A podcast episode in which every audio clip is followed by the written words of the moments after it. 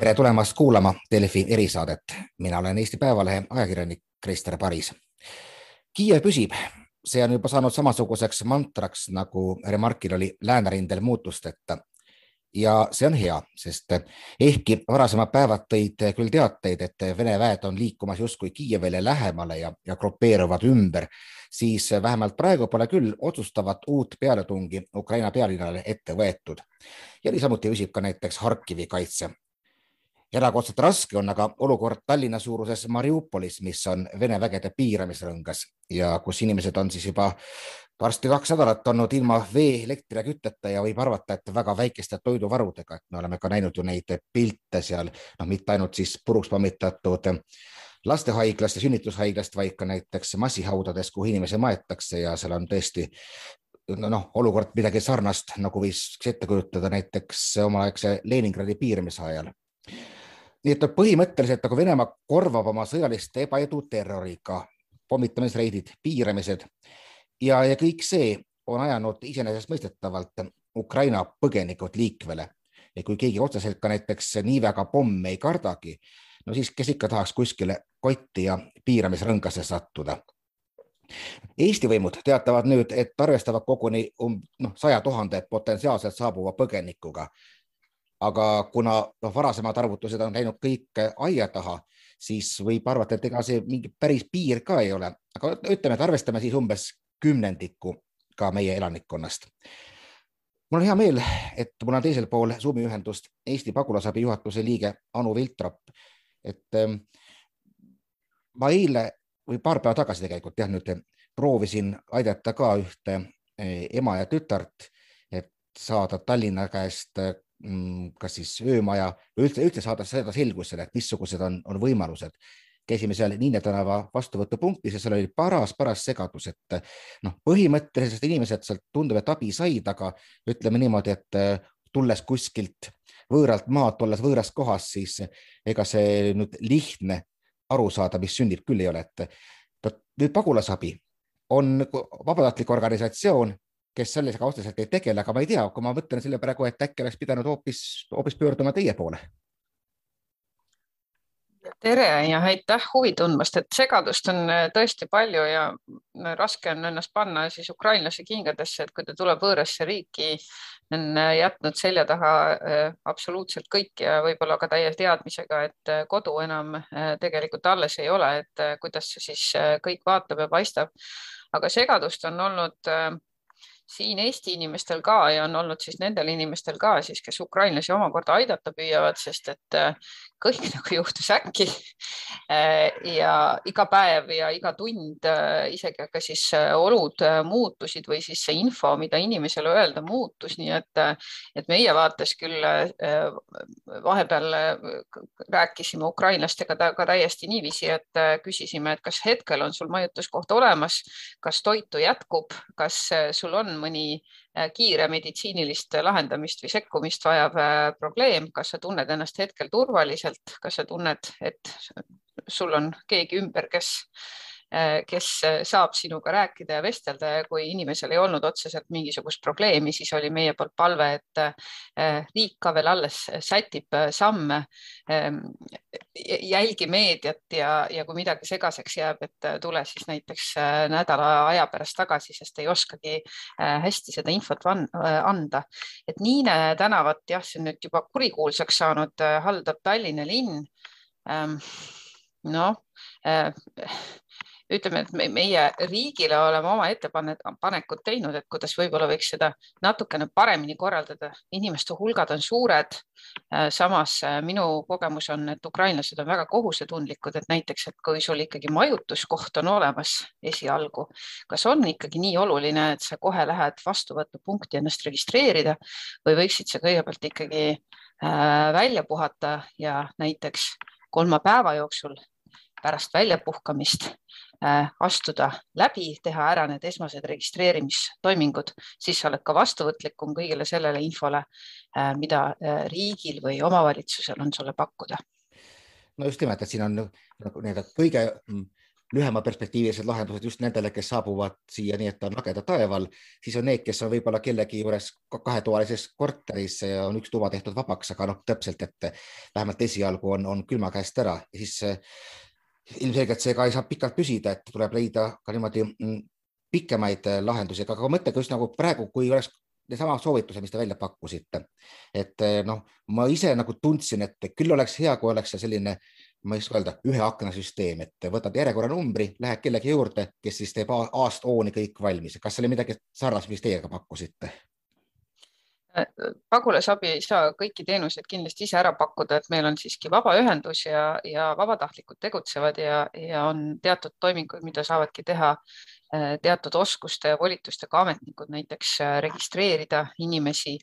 äh, või siis, kui me võtame sammu edasi, et kui nüüd saab ka taotleda inimene endale ajutist kaitset, siis seda ta saab ikkagi teha politseiametnik, eks ole, et meie seda kõike teha ei saa, meie saame pakkuda infot.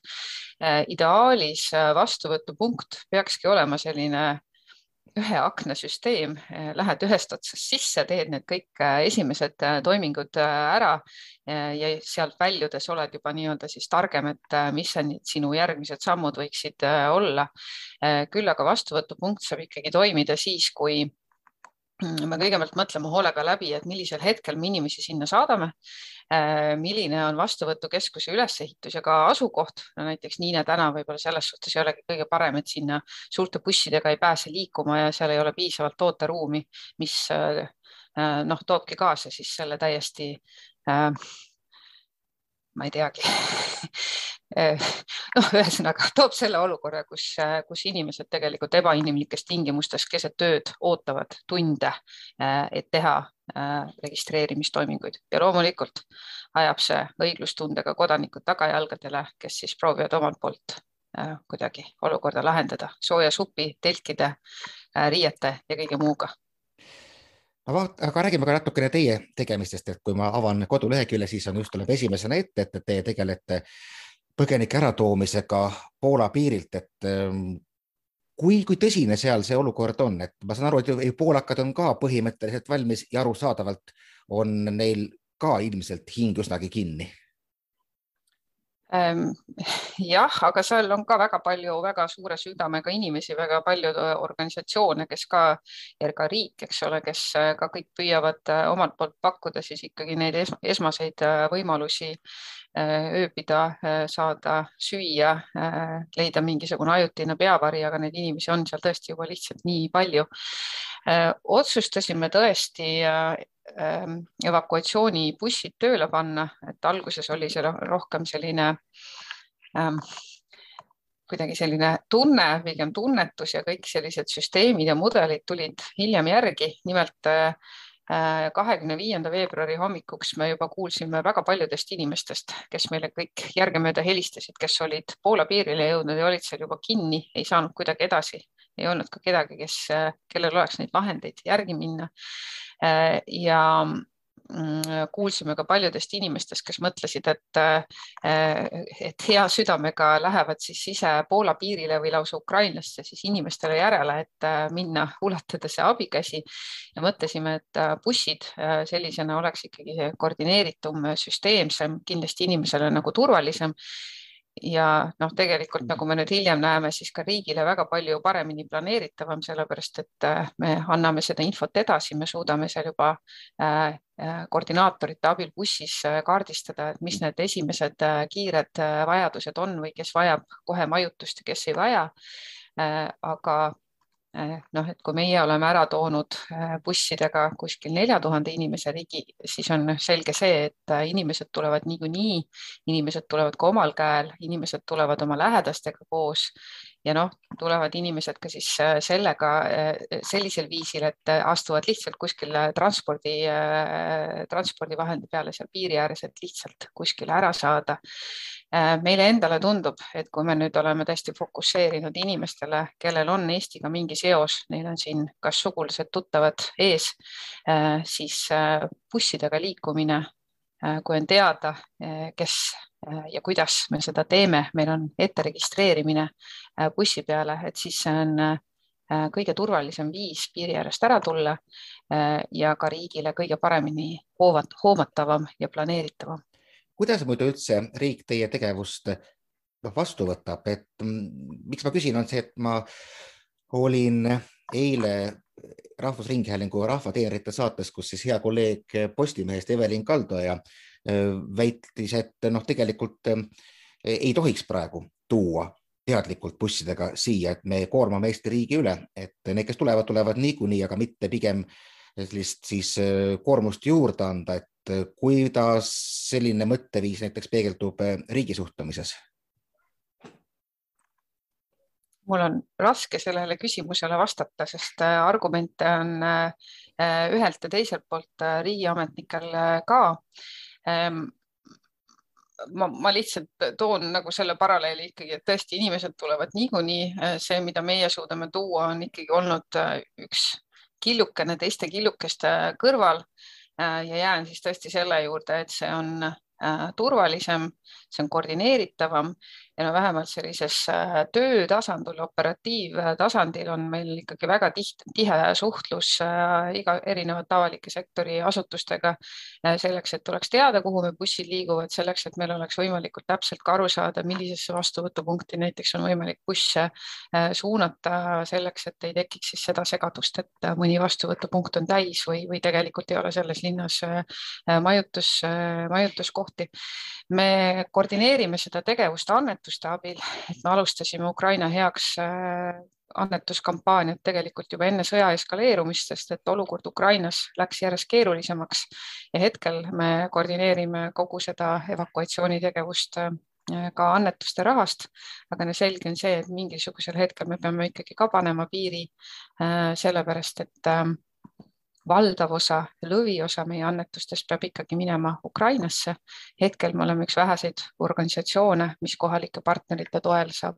Ukrainas sõjapiirkonnas olevatele inimestele anda ka siis sellist rahalist toetust, millega nad saavad ise kohapeal osta seda, eh, mis neil igapäevaeluks vaja on. üks väärikamaid viise siiski inimest aidata, tal jääb oma tahe ja oma valikuvõimalus alles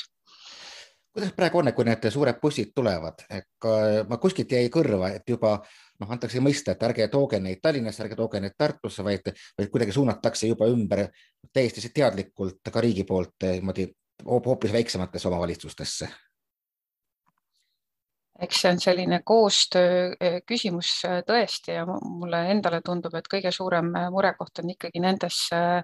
suurtes transpordivahendites, kus ka hea südamega on siis järgi mindud, aga tegelikult see suhe ja suhtlus siis riigi tasandi asutustega puudub ja see tekitabki nagu seda koormust. aga ma olen täiesti nõus, et inimeste hulk on suur, ta kasvab kiiresti see on meile ootamatu, see on väga-väga suuri väljakutseid äh, pakkuv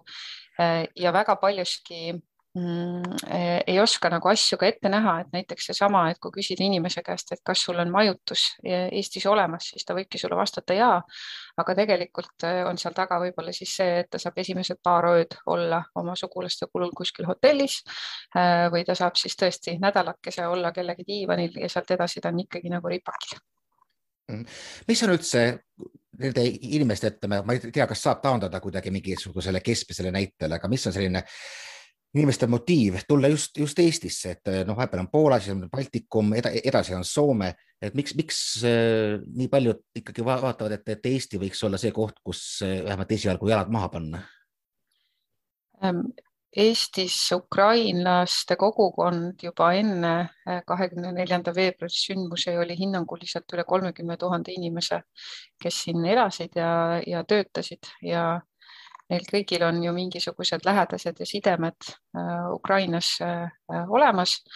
ja lisaks äh, olen ma nüüd aru saanud, et äh, kui tihedasti ikkagi meie elud on ukrainlastega põimunud, et äh, väga paljudel Eesti inimestel ka ikkagi mingisugused kaugemad sugulased tegelikult elavad, elavad seal mm. -hmm kui me võtame natuke nüüd noh, pikemalt edasi, et tõesti praegu on selline võib-olla väga kriitiline olukord, kus täpselt öelda, et oodatage, oodake paar päeva ja nii edasi. aga kui me üritaksime kaardistada, siis mida nad noh, ennekõike vajavad, et ma ei tea, keeleõpet, lapsed, kooliharidust, mis on nagu need asjad, millele peaks juba täna mõtlema, et, et homme see asi realiseeruks, ütleme kasvõi riigi poolt?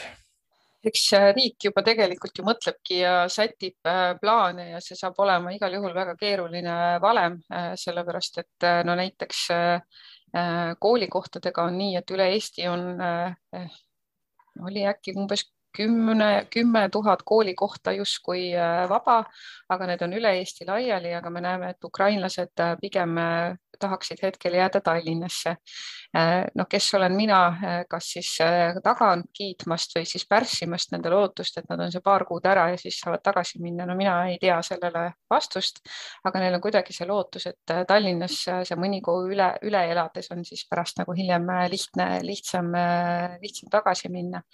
me praegu juba näeme, et näiteks keeleõpe kujuneb väljakutseks ja mitte sellepärast, et kas on, kas on rahalised vahendid või ei ole, vaid tegelikult on ju keele õpetamiseks vaja eh, keeleõpetajaid et kui palju meil neid äh, siis äh, Eestis on. Ja kuidas äh, ikkagi siis läbi mõelda kõik see süsteem, et, et kuna neid inimesi on palju, neid tuleb kiiresti juurde, et, et millistel viisidel, milliste mudelitega ikkagi anda neile kõike seda olulist infot, et mis on see Eesti riik on, millised need õigused ja kohustused on et nad saaksid siis ikkagi võimalikult tasista ja väärikate ühiskonnaliikmetega Eestis elada. Jah, et kui ma näiteks ka rääkisin eile nende inimestega, kes, keda ma proovisin aidata, no nende esmane mure oli ikkagi noh, puhas toimetulek, et kust leida ükskõik millist töökohta, et no mingisuguseid kohti noh, täiesti pakutakse alates üsna madalapalgalistest kuni siis täpselt IT, IT-sektorini välja. sõltub, mis, mis kellegi võimalused on, kus tegelikult võib-olla pole ka kohe, kohe keelt vaja, aga ma, kas ma saan õigesti aru, et, põhimõtteliselt, kui kui nad ikkagi tööd ei leia kohe, siis ootab neid suhteliselt äh, noh, virelemine, ma ei tea, toimetulekutoetuse peale umbes. Ma nüüd sain aru, et ma vist ei vastanud päris sinu eelmisele küsimusele, et mida küsitakse kõigepealt, küsitakse tegelikult väga tihti tööd ja tööga on mul täpselt sama kogemus, et äh, pakutakse väga erinevat plejaadi siis. Praeguse seisuga ühel ukrainlasel, kui ta siia Eestisse on jõudnud ja tal on õnnestunud saada isikukood, et siis tal tegelikult on võimalik ka minna tööle, ootame veel seadusandluse muudatusi, mis äh, lubaks, äh, mis leevendaks näiteks palgakriteeriumeid äh, välistöötajatele, just ukrainlastele. nüüd on juba võimalik siis taotleda ukrainlasel ka ajutist kaitset ja pärast seda pääseb ukrainlane ligi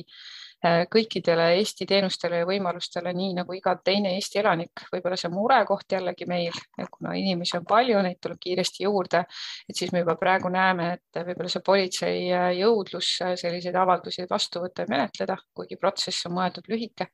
on ikkagi nagu ebapiisav või, või sealt tekib nagu see, see tropp või, või see pudelikael, et kõik inimesed ei, ei pääse kardetavasti Äh, piisavalt äh, kiiresti sellesse menetlusse. kuivõrd teile vaatab vastu oma tegevuses selline Eesti ebaühtlus, et noh no,, ma olen kuulnud mitmelt poolt, on jäänud lugeda ka, kuidas no ikkagi üks või teine omavalitsus ütleb, et annab põhimõtteliselt mõista, võib-olla isegi ütle ametlikult, aga noh, et meil ei mahu, meil lihtsalt ei ole elamispinda, meil ei ole töökohti, äkki lähete kuskile mujale, et ikka selline mitte meie tagaaias sündroom sinna kõrvale on ka väga palju kohalikke omavalitsusi, kes mõtlevad, kuidas ikkagi valmistuda, eh, kes ka helistavad õnnetult, et miks te siis meile ei too, too, et meil on juba siin kõik ruumid valmis pandud ja me ootame ja, ja uusi inimesi ja, ja toredaid töökäsi on eh, ikka alati vaja, nii et eh, ebaõhtlane ta tõesti on. aga nii on, vaat et mõnes kohalikus omavalitsuses ongi, et näiteks üüriturg on väga napp ja siis ongi siis mis need alternatiivid siis välja pakkuda on, et see on tõesti iga kohaliku omavalitsuse ülesanne välja mõelda, mis siis saab. vaatame natukene veel mm, pikemas perspektiivis ka, et, et kuidas teile tundub, et kuidas see kõik hakkab nüüd mõjutama sellist ühiskonda, no nii Eestis kui ka Ukrainas, vaatame kasvõi juba seda, et need, kes praegu põgenevad, on arusaadavalt naised, lapsed, noh, võib-olla ka, ka eakamad inimesed, aga ütleme siiski nagu demograafilise, ütleme sooliselt vägagi kallutatud pilt, et Eestisse tuleb väga palju juurde eh, naisi ja Ukrainas jääb hästi palju neid vähemaks, et sellel on ühiskondadele ju väga mm, pikaajaline ja ilmselt ka üsnagi häiriv mõju ja mulle tundub, et see küsimus võiks olla võib-olla teise ala spetsialistidele, et kuidas ta pikaajaliselt äh, rahvastikuprognoose siis äh, mõjutab. eks küsimus on ju ka selles, et kui pikaajaline on konflikt ja, ja seda näitavad ju mitmed uuringud äh, üle maailma, et mida pikaajalisem on konflikt, seda vähem tõenäolisem on see, et inimesed lähevad tagasi et mida rohkem sa oled juured alla ajanud, mida püüdlikumalt edasi liikunud, seda, seda raskem jälle on tagasi minna ja nullist alustada. aga väga paljudele sellistele küsimustele ma ei vastaks, aga noh, kindlasti, kui inimesi tuleb palju juurde, kindlasti ta mõjutab meid kõiki, ta paneb koormuse meie teenustele, meie haldussuutlikkusele siis selles mõttes, et kuidas me suudame lapsed kooli panna, kuidas me suudame keelt õpetada ja kõik see muu no noh, põgenikud või pagulased oli ju selline märksõna aastaid tagasi, mis äh, praktiliselt äh, vaata et lõh lõhkus ära Euroopa Liidu, no nüüd praegu võib küll öelda, et Euroopa näitab hetkel oma täiesti parimat nägu neid inimesi vastu võttes, aga no ikkagi, ikkagi, kui me mõtleme selle peale, et noh, selgelt nad konkureerivad mõneti ka nüüd sellistele madalapalgalisele töökohtadele, kus on olnud selline noh, ma ütleks, ütleks populistide taimelava ja puha, siis no seal on juba pikas perspektiivis näha selgelt mingisuguseid pingemomente, kuivõrd te praegu olete tunnetanud, no et ikka on ka neid, kes ütlevad, et äh, ei tea, miks me peaksime neid nii palju aitama? kui ma nüüd väga ausalt vastan, siis äh, mul on olnud üsna vähe aega, et äh, meie fookus on siis äh, tõesti sellele, et korraldada evakuatsioonibusse ja pakkuda siis infot nendele ukrainlastele, kes on jõudnud Eestis, et ähm, minuni väga palju ei ole jõudnud sellistest pingetest, üksikud nipet-näpet jutud aga seetõttu mul on võib-olla raske, raske hinnata, et võib-olla see esimesed paar nädalat olid küll haruldane üksmeel, selline hetkeks selline äh, ühine hingamine, ühine soov aidata. Ja lihtsalt äh, küsimus ongi see, et või see palve ongi see, et äh, palun ärge, ärgem jookskem ennast äh, kohe nii-öelda võhmatuks, et ilmselt me kõige sellega peame tegelema veel äh, kuu, kahe ja mine tea veel äh, mitme aja pärast. ma arvan, see ongi, ongi üks väga hea soovitus, millega praegune Delfi erisaade lõpetada, et suur aitäh, Eesti pagulasabi juhatuse liige Anu Viltrop ja mina olen Eesti Päevalehe ajakirjanik Krister Paris. ja siis jälle kuulmiseni uutes erisaadetes